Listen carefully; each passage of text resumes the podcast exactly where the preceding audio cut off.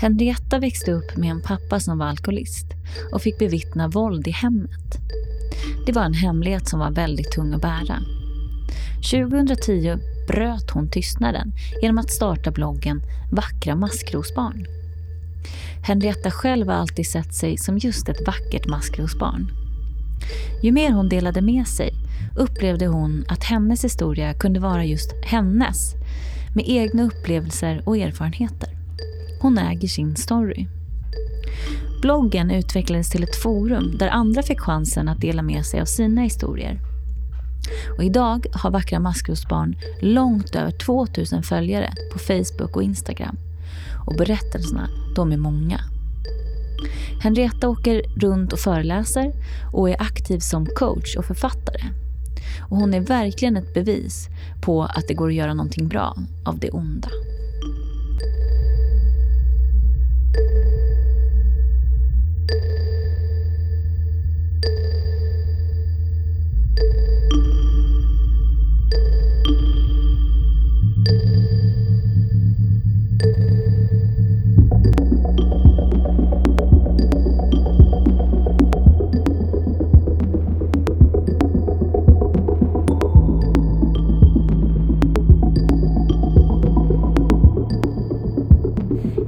Henrietta, du driver ju något som heter Vackra maskrosbarn. Vill du berätta lite om det och vad du gör?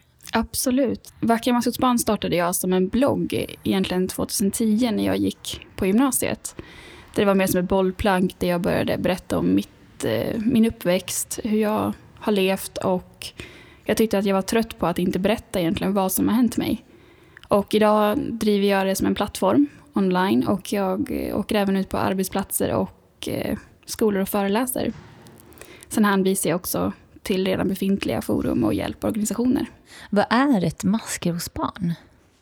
För mig så har ett maskrosbarn, eller definitionen av att vara ett maskrosbarn är att man har vuxit upp i svåra förhållanden i hemmet.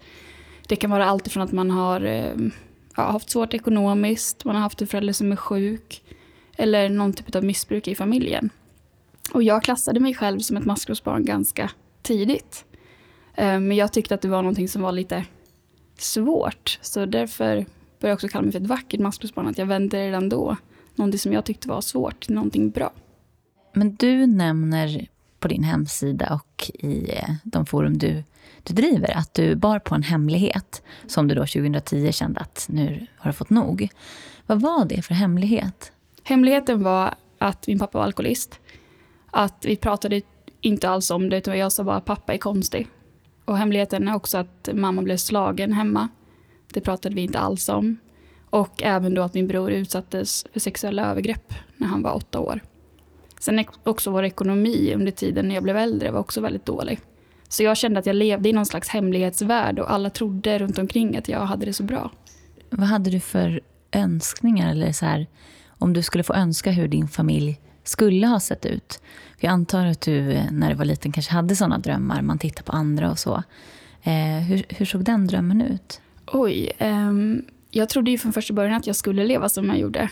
Uh, jag förstod inte att jag levde någon typ av liv som var dysfunktionellt. Men jag jämförde mig en del med min bästa barndomsvän.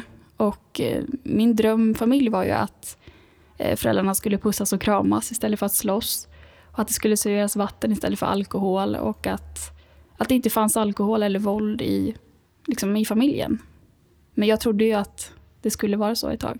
Men du blev inte utsatt för våld eller sexuella övergrepp utan det var de, dina familjemedlemmar? Man säger. Precis. Min mamma utsattes ju för våld och min tvillingbror för övergreppen. Så jag har inte utsatts för det men jag har ju bevittnat våld och får, har väl fått någon hård liksom, eh, arm eller dragen i armen eller sådär. Men aldrig att jag blivit slagen eller så. Men det måste ju kännas ganska svårt ändå att se på och vara så maktlös. Jag vet inte om man är i det. Det här är ju bara en spekulation. Liksom.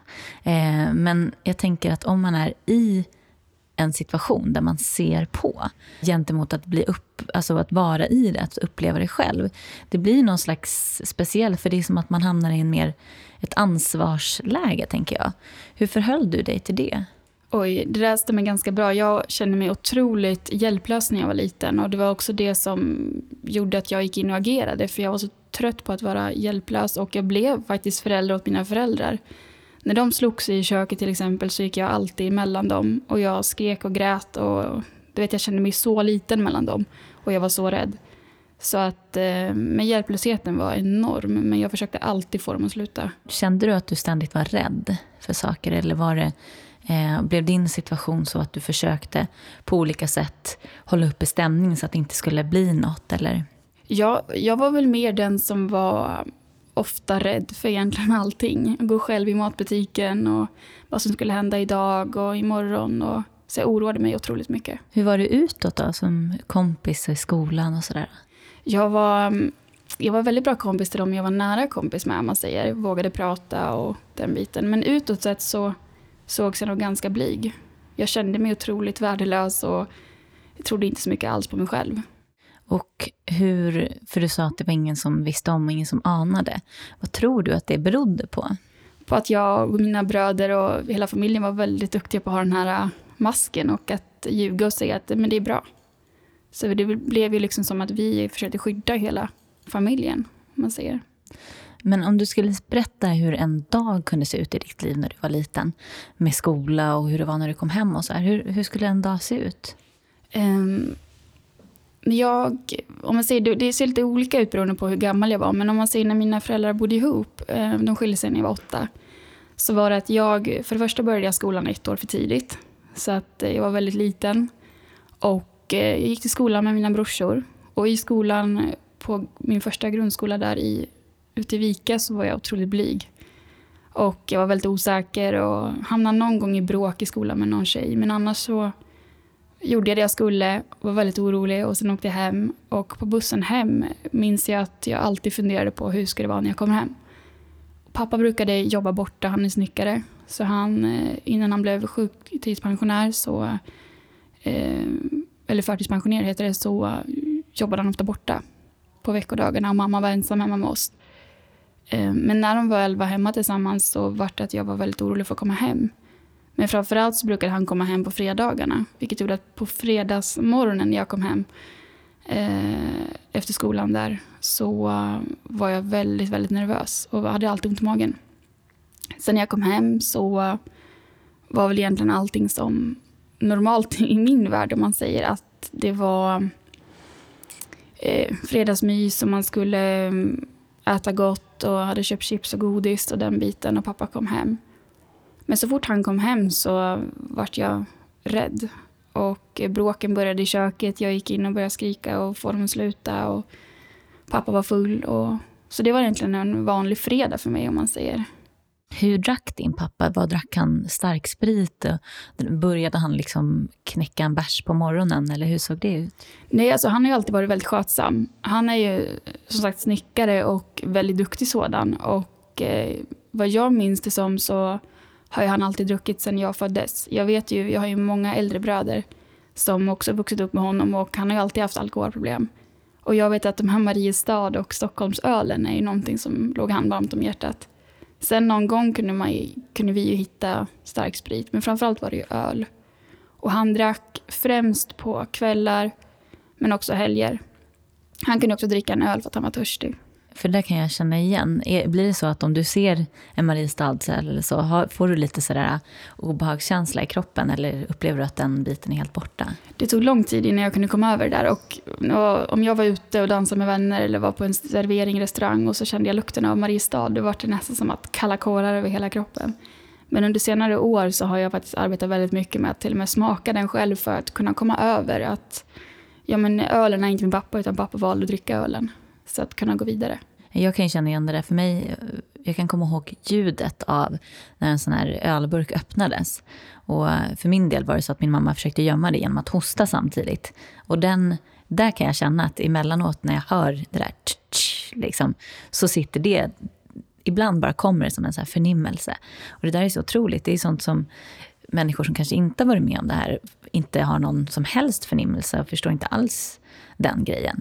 Men det blir ju väldigt speciellt för oss som har levt på det sättet i, i vår uppväxt. Mm. Men hur var din relation till vänner och sådär? Hur pass, var ni hemma hos er någonting eller var ni alltid borta? När mina föräldrar bodde ihop så var min mamma också, eh, hon hade hand om barn, dagbarnsmamma på dagarna och då kunde jag ta hem vänner hur som helst. Men sen när de skilde sig så, när jag bodde hos pappa och vice versa hos mamma så var det väldigt olika. Hemma hos pappa tog jag bara hem en kompis. Sen har det hänt olika incidenter hemma hos pappa som gjort att jag inte ville bo där längre och heller inte vågat ta dit någon kompis. Men hem till mamma så kunde jag alltid ta hem vänner. Den där kontrasten, att ni hade verkligen ett dubbelliv. För att ha barn hemma och sen har den här otroliga situationen där det bara är rädsla och misshandel och sådana grejer. Pratar ni någonting inom familjen? Alltså dina bröder, din mamma och du och sådär? Mm, vi har alltid haft nära kontakt med vår mamma.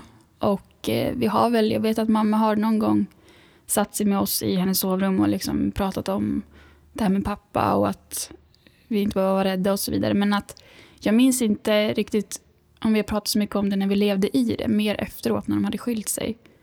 Eh, men eh, det var också så svårt att kunna förstå att det var annorlunda och att det var fel att pappa slog mamma. För det var det jag alltid har, har bevittnat. Jag har nästan aldrig sett han pussa henne eller eh, sådär, utan att vara full om man säger. Men hur blev det då när ni flyttade isär? Jag tänker just det där som du säger att ni började prata och så. Blev det sån otrolig skillnad då att det varit mycket lugnare eller hur upplevde du det? Jag kan väl känna att eh, det blev lugnare i och med att, man, att jag inte behövde se våld och att det inte var samma typ av missbruk hemma och den biten. Men det, var fort, alltså det fortsatte på ett annat plan om man säger. Eh, det vart ju bråk om pengar istället och det vart massa andra saker. Så, och sen började jag ju själv gå i grupp när jag var 10-11 där. Så det hände väldigt mycket på annat sätt ändå. Kunde du nästan längta efter att dina föräldrar skulle skiljas? Eller? Ja. När jag först fick höra det så började jag gråta. För att det var, och var pinsamt, inte det här också. Hur ska man förklara för vännerna som har familjer som bor ihop och föräldrar som älskar varandra att mina föräldrar ska skilja sig? Men eh, efteråt så tackar de att de gjorde det. Så att jag, någonstans inuti mig så längtade jag efter att kan inte det här få ett slut snart? Och just det där att se sin mamma bli utsatt eh, och den som vi pratade om, maktlösheten och frustrationen. Eh, att tänka kanske att varför går du inte bara, varför lämnar vi inte honom, varför går inte härifrån? Men sen är det ju en slags, man har ju en väldigt stark, eh, ett starka band till sina föräldrar, även om de är hemska. För uppenbarligen, alltså det är ju inte så att eh, en eller missbrukare eller vem det nu må vara är enbart hemsk, elak och full, utan det finns ju andra sidor också. Kan du minnas några sådana fina sidor som du, som du kände med din pappa? Jag är pappas flicka när jag var liten och Eh, hela tiden så försökte jag alltid fånga hans uppmärksamhet och vara den som han tyckte om. Ehm, för han var ju min farsa Baloo, det var ju det han sa, lite grann som de här tecknade filmerna. Att eh, ingen kommer att slå mig, ingen är taskig mot dig för du har en farsa Baloo som är stark. Och jag, det jag minns är ju att eh, jag litade på hans ord. Och jag såg upp till honom fast absolut inte vad han gjorde för någonting. Men jag minns att jag varje gång han skulle åka och handla mat, för vi bodde ute på landet, så skulle jag alltid hänga med i bilen och hänga med och handla mat inne i stan. För att jag älskar att gå och handla mat, så det har jag gjort sedan jag var liten. Och eh, var jag duktig och hjälpte till så fick jag också ofta en glass av honom oavsett vilken dag det var. Så det är väl typ det enda positiva minne jag har av min pappa med honom. Sen eh, var det ju allt annat negativt som tog över. Men det är framförallt att han var farsan Baloo. Och... Men slog han alla dina bröder eller var det någon speciell som var utsatt extra mycket? Eh, han slog inte, alltså han slog mest mamma. Eh, sen var det väl, eh, jag har en tvillingbror och sen en storebror. Och det var väl storebrorsan som ofta gjorde hyss och var den som var, ja, som fick mycket skäll och fick skiten helt enkelt. Så han kunde ju bli uppdragen i armarna, bli sliten i håret ända upp för trappan. Han fick ta väldigt mycket hårda tag av min pappa. Men eh, du och din tvillingbror, vad hade ni för relation? Oj, vi var väldigt tajta. Eh, vi är väldigt tajta idag också. Så vi på något sätt så hittade vi varandra genom allting. Eftersom att vi föddes på samma dag, vi hade många saker gemensamt, födelsedag. Vi började ha samma vänner och vi var väldigt olika men vi jättetajt relation. Men tror du att det kan ligga bakom att ni på något sätt tog er igenom det här, att ni hade varandra att ty er till? Jag tror det helt enkelt och att vi var i samma ålder. Och eh, många kan tänka, jag, jag vet vad jag har hört eh, folk berätta för mig idag som är föräldrar till barn som jag umgicks med när jag var liten att ja, men du var ju så rädd och Sebastian var din hjälte och lite sånt där. Men jag upplevde det som att han var min trygghet och jag var hans trygghet. Fast han var mer den utåt som var clownen och jag var lite mer tapetblomman som man pratar om. Att jag sa inte så mycket och han såg ofta för orden. Det, det, är ju intressant. Givetvis är det att anpassa sig väldigt stor, stor del. Men att jag tror att det finns en liten snäv bild av att de flesta medberoende är likadana. Men där blir det väldigt tydligt tycker jag att en av er tar rollen att kliva åt sidan och inte göra väsen av sig. Och den andra försöker kanske hålla god stämning. Eller, men båda har anpassat sig till den här situationen på något sätt. Hur skulle du säga att det här har präglat dig? Hur, hur märkte du? Jag tänker att när man lever så där och sen händer det någonting, men det var först 2010 som du liksom gick ut offentligt så att säga. Men eh, du började gå i grupper. Hur gammal var du då? Jag, var, jag tycker allt hände runt 11, det var så mycket som hände. Men någonstans mellan 10 och 11 år gick jag i en tjejgrupp i Falun. Och hur hittade du dit? Det var min mamma faktiskt som tvingade mig dit. Jag ville inte alls gå dit, men tack vare mamma så gick jag dit. Vad, vad var liksom syftet med den gruppen och, och hur gick det till? Jag var äldst och sen var vi ett gäng tjejer. Och eh, vi alla hade någon typ av eh, familjemedlem som antingen var beroende av eh, alkohol eller droger eller man levde i någon typ av dysfunktionell familj. Vi samlades en gång i veckan. Jag gick dit efter skolan. Och syftet var ju att kunna få känna att man inte var ensam. Vi jobbade med sådana saker som att vad är mina känslor, var kommer de ifrån? Och också få höra andras berättelser kring hur deras livssituation är. Vad gjorde det med dig? Jättemycket.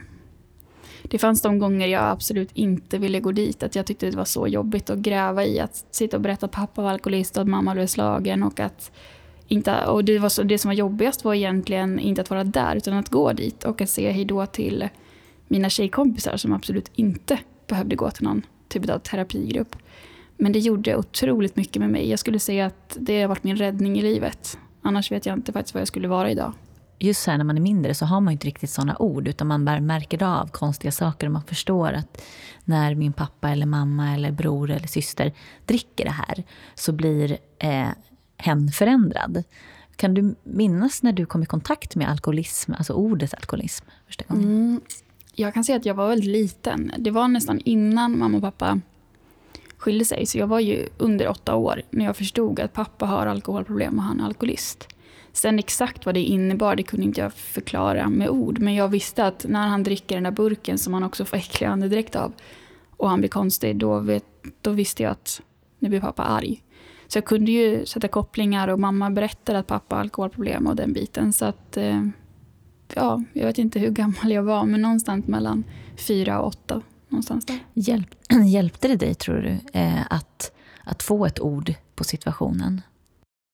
Ja, framförallt att höra andra. Eh, att det inte var så konstigt och onormalt som jag trodde och framförallt heller inte att det var bra situation att leva i. Så att för mig hjälpte det att kunna få en världsbild, liksom, en bild av hur jag har levt och vad det var som påverkade liksom, min situation. Men efter, fick du fortsätta gå i de här grupperna hela vägen till du växte upp eller var det en kortare period?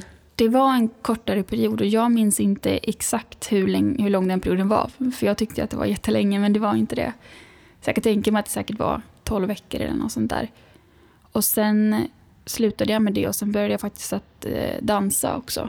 Så det var en annan typ av terapi. Men i, i en hobby istället. Kan du ändå se, nu fick du ändå ganska mycket hjälp, men kan du se det här hur det på något sätt har påverkat dina relationer, alltså vänskapsrelationer eller kärleksrelationer så här efteråt? Kan du se någon sån koppling? Eh, och idag, ja det sitter, det sitter kvar saker, men eh, generellt så var det ju när jag var yngre så eh, jämförde jag mig ofta med att vännerna var bättre. Jag var, jag var inte bra som person och jag kände mig inte värd att leva. Jag hade aldrig självmordstankar men jag hade väldigt låg självkänsla och eh, självförtroende också, båda delarna. Sen när det gällde killar så har jag alltid haft lätt att få relationer med killar. Och, men jag ville också bli omtyckt och var rädd för att bli lämnad.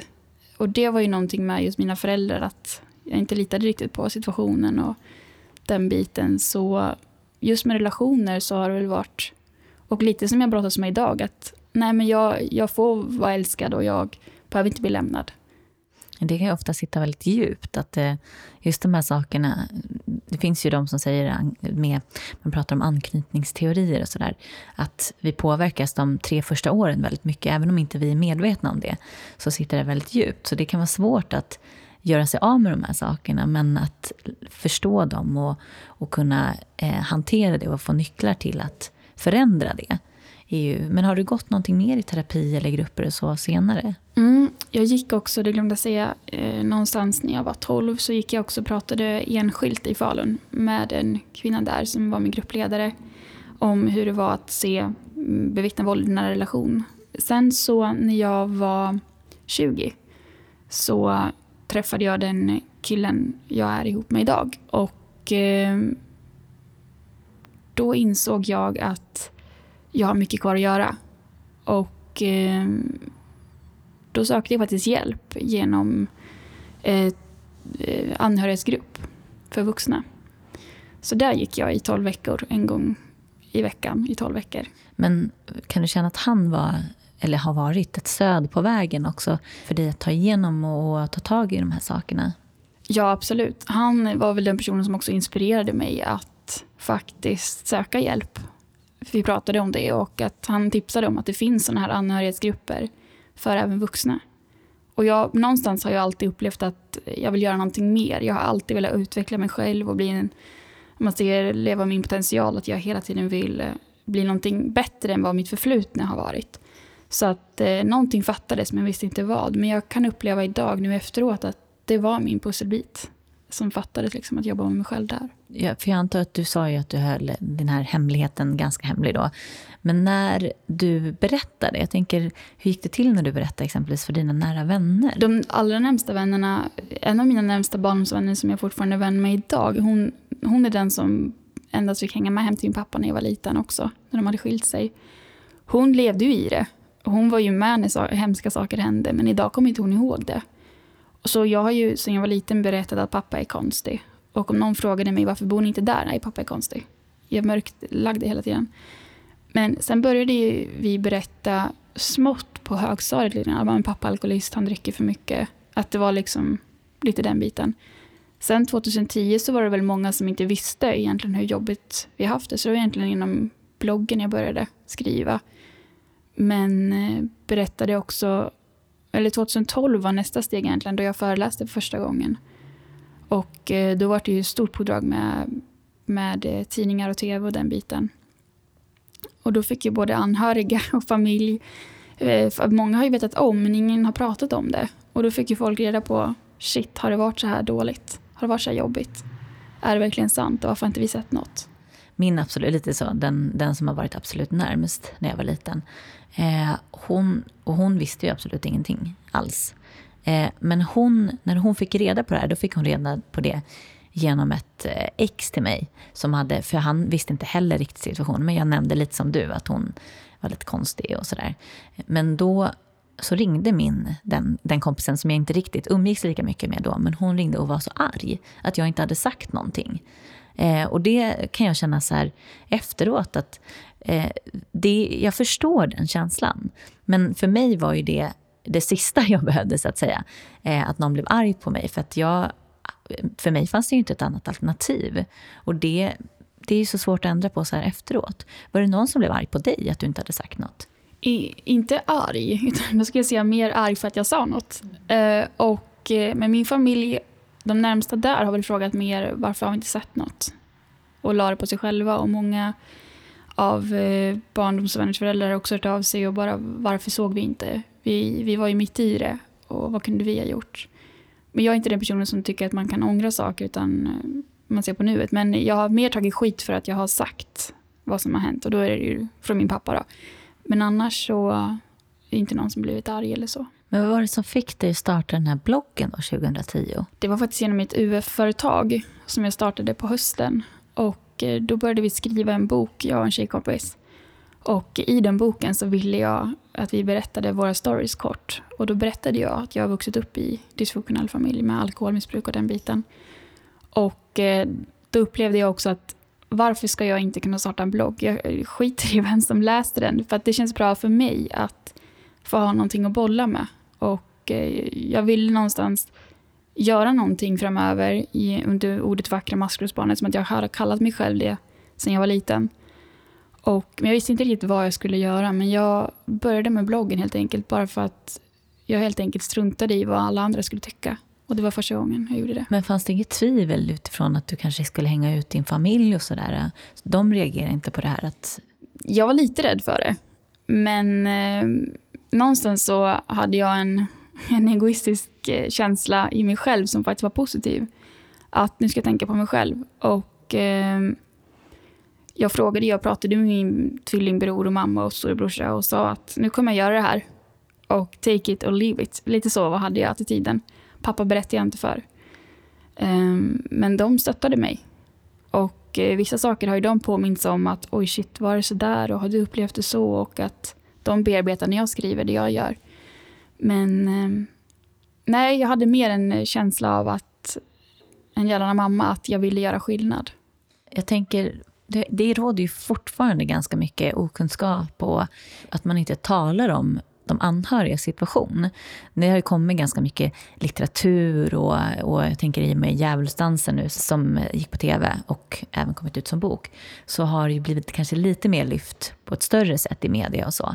Men att det fortfarande, jag tänker på den tiden, även om det inte är speciellt länge sedan så känns det som att det fanns ändå en ja, en form av förståelse och förhållningssätt till en som var exempelvis alkoholist eller missbrukare. Man förstår att det här är en person som inte mår bra och som behöver behandlas.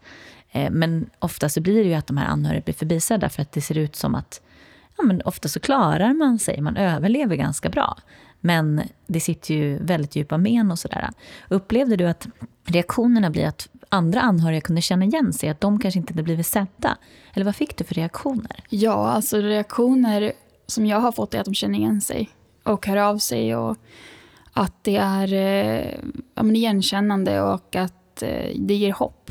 Och det är väl det jag har känt att om jag kan, då kan du och vi kan tillsammans. Vad är det du föreläser om? Jag förstår att du, har, du berättar din historia och så, men vad är det du förmedlar med de här föreläsningarna? Jag förmedlar att eh, jag äger min story.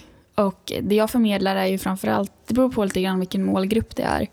Men när det är barn och ungdomar så förmedlar jag att Eh, det handlar om att oavsett var man kommer ifrån och eh, oavsett om det har varit att man har vuxit upp som jag har gjort eller man har vuxit upp som min närmsta vän där det fortfarande är föräldrar hänger ihop och sånt så kanske man inte alltid mår bra i livet. Men det handlar alltid om att man äger sin egen story. Och man kan också påverka framöver genom att eh, det är en själv som är huvudrollen i sitt eget liv. Hur vill jag leva? Är det, är det att äga sin story? Att på något sätt vara huvudrollen i sitt liv? Jag skulle säga det. Mm. Mm. I dina forum, du är väldigt aktiv på Instagram och så också.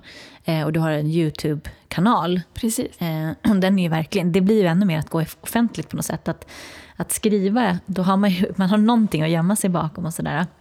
Men där har ju du på Instagram då bland annat eh, och din blogg och sådär, att du har historier som berättas. Mm. Är det här folk som söker upp dig och säger att du vill berätta eller är det människor i din omgivning? Eller hur får du tag på de här personerna? Det kan vara vem som helst faktiskt. Och eh, det var väl egentligen att det föddes en idé när jag satt på skolan där. Eh, var en som sa till mig att du borde göra så här. Och jag bara, jo men jag har tänkt på det, att jag borde involvera fler personer som vill dela sin story. För det är exakt vad jag hade önskat. Så att, eh, jag lägger upp en bild eh, eller en video vad jag nu gör och eh, det började egentligen med att jag delade min story på Instagram. Så skrev jag hej, jag äger min story och sen så berättade jag vad jag, vad jag varit med om i olika delar. Sen efter varje avsnitt så skrev jag alltid vill du dela din story? Maila mig. Och så Henrietta av som min mail. Och då har jag fått jätterespons på det. Att det är personer eh, i alla åldrar, både vuxna, unga och tjejer och killar som vill dela. För då är de ju ändå anonyma. Tror du att det finns ett sånt stort behov hos människor, alltså i och med att du får den responsen, att man behöver liksom lätta sitt hjärta? Ja, enormt. Jag tror att, och sen också den här känslan av att, åh oh, vad skönt, nu blir vi lite av med tyngd i min ryggsäck och att kunna gå vidare. Och för många av de som skriver så kan det vara allra första gången de berättar för någon också. Är det inte ett oerhört förtroende att få den historien för första gången. Hur bemöter du det? Ja, alltså jag blir jätteglad varje gång någon vill dela sin story. Och att de litar på mig, att det är jag som läser deras story och eh, delar upp den. Och eh, Jag går inte ut med namn. Om de vill vara anonyma så får de vara det. Så att, eh, jag blir jätteglad när de vill dela. Ja, och du har ju över 2000 följare på Instagram. Så det måste ju uppenbarligen vara jätteintresse av, av det här, vare sig man skriver eller läser om det. det så kan jag känna med det här också, att, att man behöver få flera nyanser på de medberoende eller anhöriga berättelser som finns. Kan du berätta ungefär hur en, en historia skulle kunna se ut? Ja, ehm, det, kan, alltså det kan se ut allt ifrån att de berättar ifrån eh, när de var små, hur de upplevde att komma hem från skolan, hur det var att bli slagen och hur det var när de kanske inte hade några pengar, blev utelåsta. Men hur de också många gånger har, eh, vad som har varit deras hjälp och att de, de slutar ofta storiesarna med att eh, man inte är ensam och att, eh, att det var skönt att berätta. Så storiesarna är ju väldigt olika från person till person men det jag kan uppleva som är det gemensamma om man säger för allihopa det är att vi, vi är inte ensamma och att det var skönt och lätta på hjärtat som du sa. Det finns ju det här klivet. Jag brukar säga att det är som att komma ut. För det är lite så, jag tänker framförallt för dig där, även om du hade berättat för, för nära, att gå ut så 2010, gå ut offentligt blir det ju någonstans. För du har ingen riktig makt över hur eh, det här kommer spridas. Och när du fick den här uppmärksamheten, du sa att det var radio, det blev skrivet i tidningar och sådär. Fanns det någon gång någon tvekan? Att du, det finns ju det sitter ganska djupt att många kan vara rädda för att man ska bara förknippas med det här. Alltså jag är ofta lite rädd om man säger, för jag tycker att det tillhör, det är lite grann som att göra nya saker. Att eh, bli intervjuad i tv och radio, den här biten är ju ofta nervöst.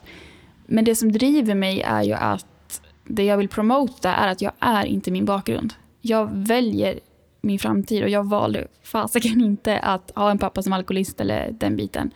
Men när jag var liten så trodde jag ju det. Men i mitt arbete idag så vill jag förmedla att jag kan bli något mycket större än det jag var när jag var yngre. Hur är din relation med din pappa idag? Den är inte jättebra skulle jag säga. Men vi träffades eh, faktiskt första gången på många år, för två år sedan. Tror jag blir nu i sommar. Och eh, jag tog initiativet att vilja prata med honom. Efter det så, har vi väl, så hörs vi lite grann ibland på telefon. Någon gång ibland. Och det är ofta när han ringer eller så. Men hur många år, du sa att efter år när ni inte hade pratat med varandra, hur många år hade ni inte pratat med varandra? Det är så många så att jag inte kan räkna det faktiskt. Vi, han har väl ringt någon gång när jag har fyllt år eller ja, sådär. Men vi, de skilde sig och sen när jag var runt 10-11 efter någonstans där så valde jag att bara bo hos mamma. Sen, nej jag, jag har valt att inte ha kontakt med honom. Har det underlättat tror du i det här att kunna ta det här steget? Att reda ut ditt och din historia? Jag tror det. Och eh, det har varit jättesvårt att inte ha kontakt med honom för han lever ju och han, eh, han är ju uppe i Dalarna. Och eh, jag skuldbelägger honom ingenting idag. Eh, för jag vet att det är skillnad på vem man är och vad man gör. Självklart finns det bra sidor hos honom men tyvärr fick jag se väldigt många dåliga sidor. Att eh, vara ifrån en person som du nu var, att du var ifrån honom väldigt länge och att kunna gå tillbaka till att på något sätt få den här distansen och kunna se sin egen historia, ta, som du säger, äga din, din historia.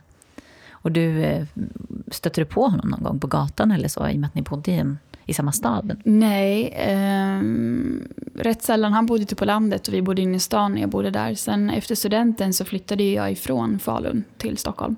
Och nej, ända sedan jag eh, valde att inte bo hos honom så träffade jag nästan aldrig på honom.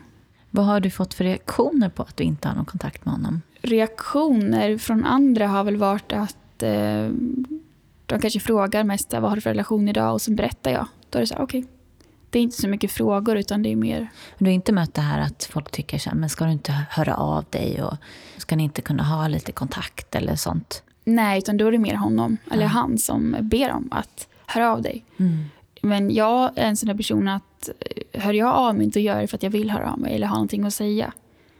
Men eh, det är ingen utifrån som har så här, du måste ha kontakt med honom eller eller så. Utan jag, jag blir respekterad över mitt val. Är han aktiv idag? Det vet jag inte. När vi pratades vid där för två år sedan så sa han, jag frågade honom det, om dricker du idag? Och eh, i hans värld har han ju aldrig varit alkoholist. Och det är ju ganska klassiskt att jag har inga alkoholproblem och den biten.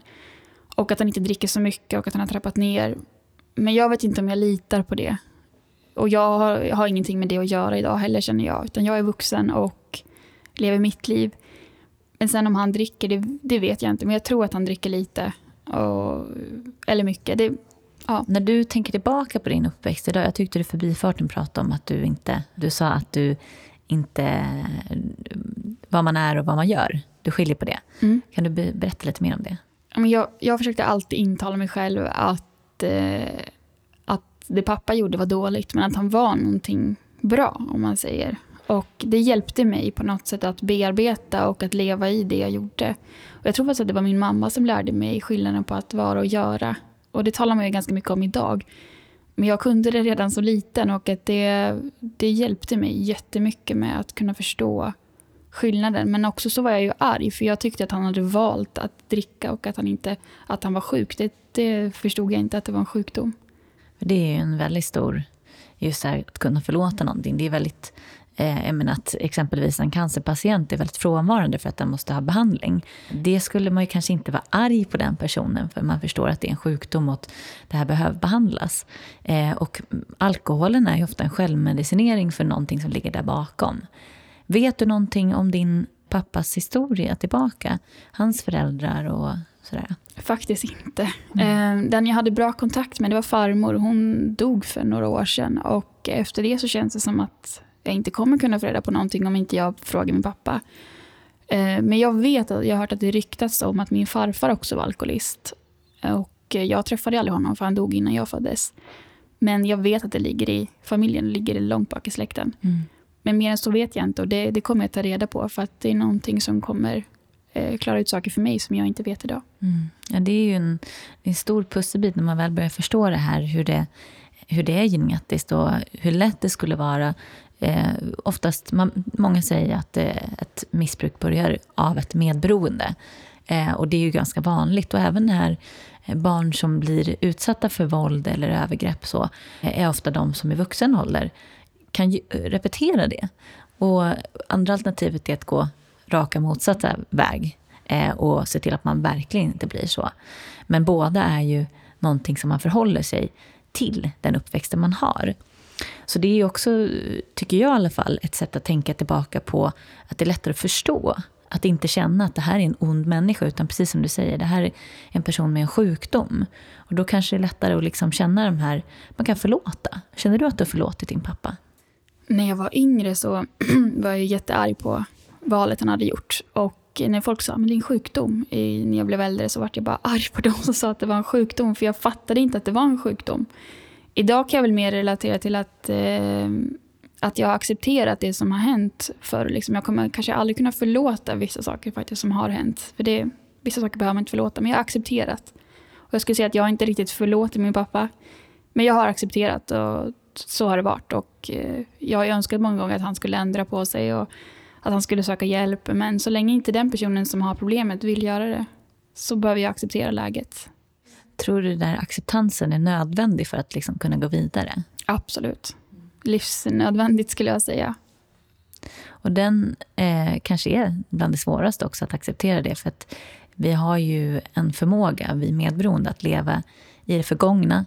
Att eh, fortfarande vara fast i det där och må dåligt av det där. Men också känna en oro för framtiden, för att det sitter så himla djupt. Och det där att kunna acceptera är ju någonting som gör att man nästan kan vara i nuet och, och våga stanna upp. Lever du i nuet? Ja, nu gör jag det. Och också mycket framöver. Alltså, jag lever inte i någon slags drömvärld att jag eh, glömmer bort nuet. Utan jag övar på att jobba i nuet, eller leva i nuet hela tiden. Men förr var det absolut inte så. Då levde jag i liksom att jag var arg och att det var svårt att acceptera. Och den biten. Så det har tagit tid. Men idag lever jag i nuet eh, när jag följer dig i sociala medier och så, så känns ju du otroligt positiv och det är väldigt mycket fokus på det här må bra och så. Och jag känner igen det nu, men jag vet att min relation till det tidigare var Eh, för jag kunde inte förstå att det var möjligt. Så min, jag hade en ganska hånfull relation till människor som, som var så här hurtiga och må bra och sådär. Hur förhåller du dig till det? För jag antar att du inte är så superlycklig hela tiden. Nej, absolut inte. Och jag slänger in lite inlägg ibland. Det faktiskt så här, livet är inte bara bra. Liksom. Och jag är inte en person som bara är positiv och glad. Igår till exempel hade jag en dag där jag var frustrerad och ledsen. till exempel. Eh, men jag har väl, eh, hur jag, för, eller hur jag ställer mig till det är ju att jag har valt att eh, vara en person som jag vill vara. Och framförallt så skulle jag säga när, man, när jag jobbar med de frågorna jag gör, till exempel på sociala medier, så att höra för mycket dåligt när man lever i någon typ av dålig relation eller en jobbigt hem där det är hemskheter som händer så är det jobbigt att bara traskas med det här som är dåligt. Jag försöker vara en inspiration i livet men också visa, visa att livet har två sidor om man säger och att det här med att utvecklas är enormt eh, svårt. Eller inte svårt, men det är utmanande. Och att, men att det är värt det och att det faktiskt går. För exakt som du sa nyss, det där med att eh, det kändes inte som att det var möjligt att må bra. Så kände jag också förut. Eh, men många tror inte det idag, som lär känna mig idag. Men jag har väl, alltså haft väldigt låg självkänsla och självförtroende och trott att det kommer inte bli bra. Men jag visste att någon gång kommer det bli det. Och att jag förstod att ansvaret ligger faktiskt hos mig själv. Att skapa det liv och ingen kan påverka egentligen hur jag mår, utan det är jag själv som bestämmer hur jag ska må. Men när förstod du att du hade ett val? Jag förstod, om man säger så här, när jag var 20 där då, så förstod jag att oj då, jag har varit medberoende hela mitt liv utan att veta om det. Och eh, jag och min bror, vi talades vid om det här, finns länge sedan, om det här med valmöjligheter och beslutsamhet. Och vi har väl haft det, vi konstaterar att vi har haft det ganska länge. Och vi har haft det tillsammans. Eh, och pushat varandra i att välja nya vägar och sånt där. Och det som har motiverat mig är ju att leva på ett helt annat sätt emot vad mina föräldrar har gjort eller hur de levde med oss när vi var små. Men tror du att det har varit nödvändigt för dig att bearbeta det här för att kunna välja? Jag tänker att det finns ju många som lever kanske ett utåt sett eh, lyckligt liv som ändå kanske inte har bearbetat det där utan det ligger kvar som ett R någonstans. Tror du att det var en stor del av ditt, eh, din möjlighet att, att välja? Jag skulle säga att det var 99 procent av det. Eh, utan den hjälp jag har fått och alla timmar i terapeutstolen och alla eh, tillfällen där jag har varit liksom tänkt, nej nu är jag upp det här, det här är för jobbigt eller Eh, stunder där jag har varit glad. Eh, det har gått upp och ner hela tiden men jag skulle säga att det har varit grunden till att jag kan driva en vacker maskrosbarn eh, så stort som jag gör idag och åka runt och föreläsa. För hade jag inte haft hjälpen då, eller dansen eller sådana där saker, då vet jag inte då hade säkert jag hamnat i fel spår i livet. Så, så jag vet ju själv hur jobbigt det är att, om man säger, den här känslan av att inte tro att man behöver hjälp och att det ser så bra ut utåt men att det känns inte bra hos mig. Och att det var framförallt för min egen del som jag senast sökte hjälp om man säger. Mm. Eh, och vad är din ambition med, med Vackra masker hos barn?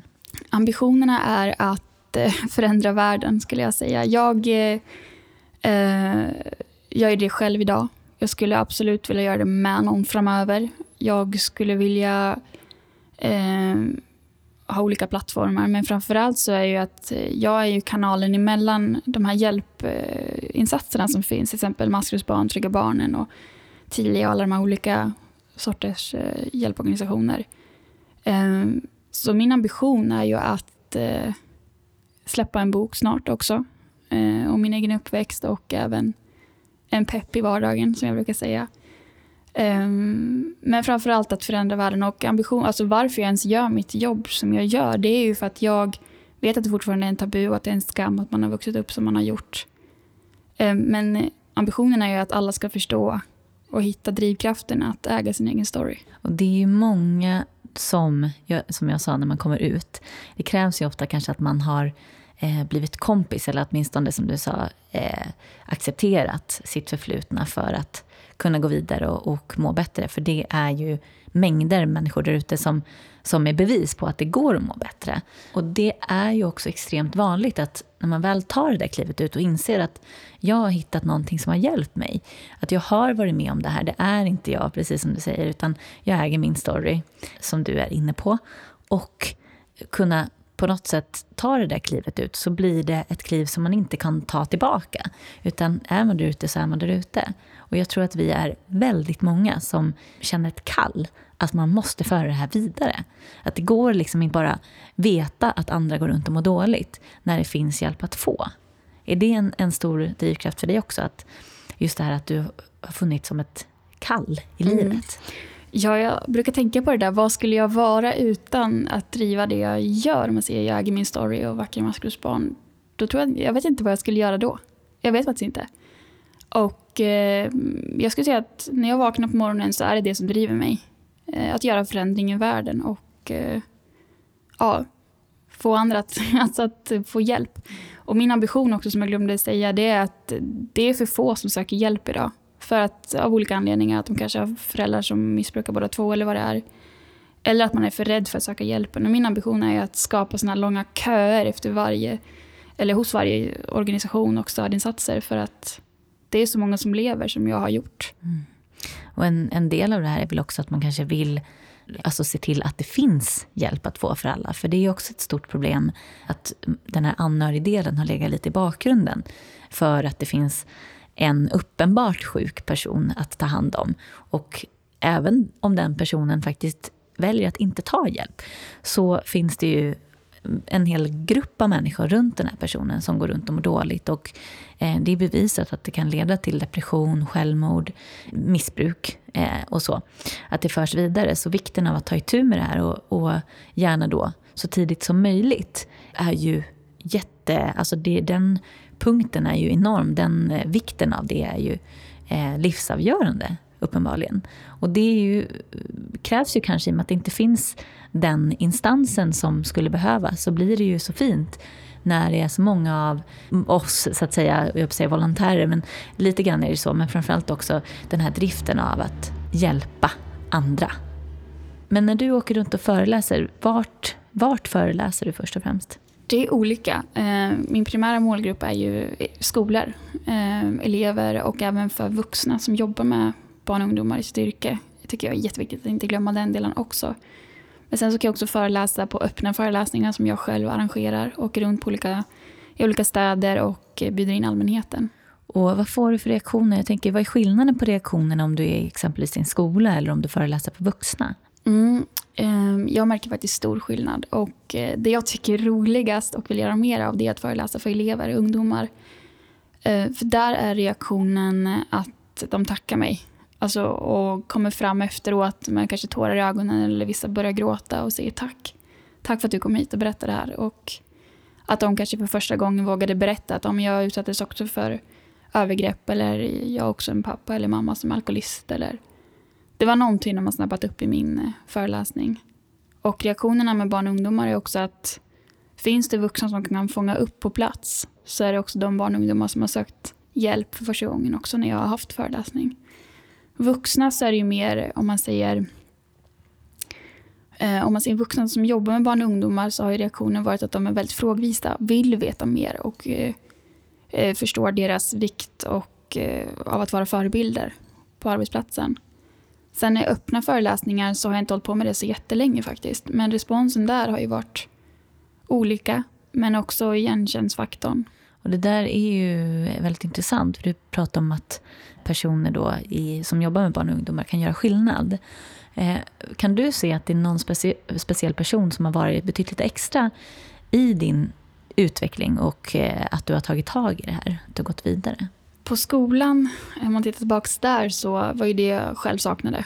Vissa visste om allt det här med övergreppen på Sebastian eller så, men ingen frågade mig någonting. Det här att glömmas bort i allt som händer, det var, så kände jag. Men den personen som har betytt mest för mig, det är dels min mamma som har hjälpt mig till all hjälp. Men framförallt eh, den personen som betyder jättemycket, det är gruppledaren på, i barngruppen när jag var liten. Det är ju en återkommande grej, eh, upplever jag, i de eh, samtal som jag haft och har. Eh, att det, det, kan räcka med en person som ser, som ser en eller som lyssnar, som står kvar. Att den personen kan hjälpa en människa att ta sig ur det här. Och Det är en ganska intressant grej. Jag tror att det kanske också är en, en motivation varför du exempelvis driver det här. För du som person kan göra skillnad. Och det är lätt att tro, tror jag, utifrån, alltså anhöriga till anhöriga så att säga. Eh, lärare eller eh, vänner till familjen eller eh, socialen eller vad det kan vara. Att det någonstans finns, att man behöver en påminnelse om att jag som person kan göra skillnad. Att det inte krävs en, en hel värld för att göra skillnad, utan en person kan betyda enormt mycket för någon i den här situationen. Och det är ju en påminnelse som jag tror att vi alla behöver, verkligen. Eh, om jag tänker vidare på det här då. Du, idag så har ju du verkligen en, en motivation i, din, i ditt liv. Alltså det blir en stark, eh, du har ju många bakom dig som gör att man känner att det här är ett litet måste. Man måste föra det här vidare. Eh, om du fick önska, alltså om du tittar på, eh, nu fick ju du ganska, ganska bra hjälp, men det är ju inte alla som får det. Hur skulle du önska att man som barn eller, eller vuxen i den här situationen skulle bli bemött av omvärlden? Jag skulle önska att eh, barn och även vuxna blir bemötta på det sättet att eh, man också vågar, alltså framförallt vågar fråga om man misstänker någonting. För jag kan inte, det är som jag, jag kan inte förstå att ingen såg någonting. Men också bemött med acceptans och också förstå att det är läskigt att berätta om sin, sitt förflutna och att det är helt okej okay, att, det att man är rädd. Om du tänker att du inte hade fått den hjälpen och kanske att det skulle ha fått dig att inte riktigt vara där du är idag. Så om du ser en person som, som inte får den hjälpen men som skulle behöva den hjälpen, hur skulle omvärlden bäst kunna hjälpa? Bäst kunna hjälpa det är ju att men alltså våga vara trygg i sig själv, även fast det känns läskigt. Som vuxen till exempel, om du möter ett barn som den tror far illa eller ser far illa. Att våga ha tillit till att den kan göra skillnad genom att bara vara där och då och lyssna på den här personen och att fråga hur den mår och att kanske inte bara fråga hur den mår utan att fråga följdfrågor. Fem gånger brukar jag säga och att svara på hur man mår eh, är ju ibland den här bästa, bästa frågan att kunna ljuga på när man växer upp så. Men eh, jag själv, jag kan bara tala för mig själv och jag hade ju önskat att någon hade frågat mig hur jag mår. Jag hade, jag hade nog garanterat ljugit de första gångerna och sagt att det är bra. Men hade någon vågat stå på sig och bemött mig så hade jag nog garanterat sagt att det inte alls var bra. Om någon kontaktar dig, alltså någon person vill ha hjälp, vad kan du göra med vackra masker hos barn om en, om en person känner igen sig exempelvis i det här? Eh, hur går du tillväga när du möter en sån person? Mm, det händer ju rätt ofta att jag får mejl och att de, men tack för att du finns och, och den biten och sen att de vill ha någon typ av hjälp. Och jag brukar ju hänvisa till befintliga organisationer. Jag brukar fråga vart bor du någonstans? Och sen brukar jag också söka upp vart finns den närmsta hjälpen, hjälpen som är bra för den här personen. Uh, och uh, jag kan ju aldrig garantera att de kommer söka hjälp hos organisationer och den biten. Men jag brukar ofta vägleda till vart, vart det finns. Och framförallt till de ställen där jag vet är bra. För det är ju viktigt också att man inte bara hamnar mellan stolarna och att den här hjälpen inte är bra om man säger. För det är ju inte så att det passar, alltså alla stödinsatser passar inte alla personer. Eh, så då vill jag ju vara garanterad att de kommer till ett bra ställe. Ibland har jag till och med mejlat till städer jag aldrig har varit i och bara hej, jag har en person som har hört av sig, ehm, kan den vända sig till er? Och liksom få en liksom direktkontakt där också. Det har varit lite olika beroende på vad det är för typ av hjälp. Och... Eh, vad har du för drömmar idag? Vad vill du både med, med Vackra masker hos barn och, och i ditt liv så att säga? Oj, drömmar. Nu blir jag så här bara glad. Eh, jag älskar drömmar. Ja, alltså drömmen med Vackra masker hos barn är att jag vet att jag vill göra det här under fem år. Och sen vet jag inte vad jag vill göra, men just nu känns det som vi sa, mitt kall i livet. Och jag vill eh, vara en etablerad föreläsare i Sverige, men också börja föreläsa utomlands. För jag vet, jag vet att det behövs ju på fler ställen än bara Sverige. Och eh, målet är också att drömmar att eh, ha en egen bok, som jag har pratat om länge. Nej, men jag vill helt enkelt eh, förändra världen med Vackra maskrosbarn. Det är liksom det. Eh, och jag vill eh, ja, vägleda folk att eh, hitta sin egen liksom, drivkraft och den biten. Men drömmar överlag i livet, jag älskar att resa. Det är någonting som jag eh, vill gärna lägga mer tid på. Och eh, det är också en, alltså en dröm som jag har i mitt liv, det är att skapa det liv som jag aldrig haft, om man säger. Många kan ju säga det här med att ja, men, mina närmsta vänner som är iväg med sina familjer på resor eller liksom har den biten, att det har jag aldrig haft. Därför vill skapar jag det själv, helt enkelt. Och eh, en dröm jag har det är att köpa en one way ticket och sen åka iväg och sen vet jag inte när jag kommer hem. I stort sett. Det är en stor dröm. Men sen också drömmen att ge mig själv en, eh, en familj att älska också. Att eh, jag vill skapa min familj. Sen vet jag inte när i tiden eller med vem eller liksom när det blir. Men att ha ett liv där jag är trygg och det är jag idag. Men att eh, i vuxna dagar kunna ja, men ha det stabilt ekonomiskt, kanske eventuellt ha barn och ge dem i så fall det jag har saknat om man säger. Då hoppas jag att, du, att de här önskningarna och drömmarna blir uppfyllda. Tack så mycket Henrietta för att du var med och delade din historia. Tack.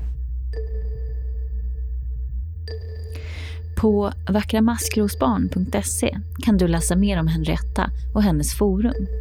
Och under namnet Vackra maskrosbarn kan du följa de jättefina och sårbara berättelser som Henrietta lägger ut på Facebook och Instagram.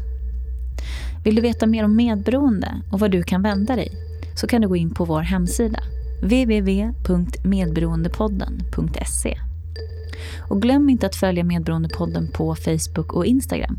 Där lägger vi ut information och inspiration.